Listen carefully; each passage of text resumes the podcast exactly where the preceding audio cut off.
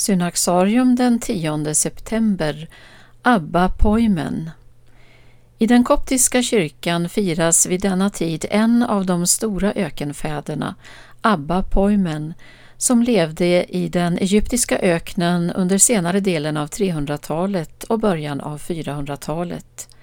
Hans livshistoria är till stora delar höljd i dunkel men hans betydelse var så stor att en åttondel av de så kallade tänkespråken från öknen, apotegmata patrum, tillskrivs honom.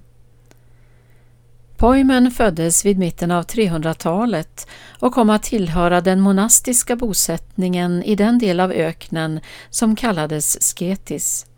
Det berättas att han kom dit tillsammans med sex andra bröder och han lärde känna sin samtids stora andliga fäder. Abba Poimen, namnet betyder herden, hade en ovanlig förmåga till andlig urskiljning, en gåva som han menade hörde samman med en djup förtrogenhet med egen och andras bräcklighet.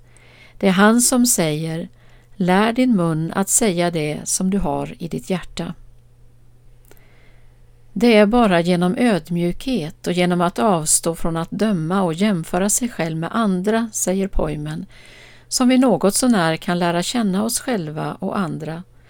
Det kommer i sin tur att lära oss barmhärtighet och den kärleksfulla identifikationen med andra som är det enda som kan leda oss till att djupare lära känna den Gud som uppenbarat sig i Jesus Kristus.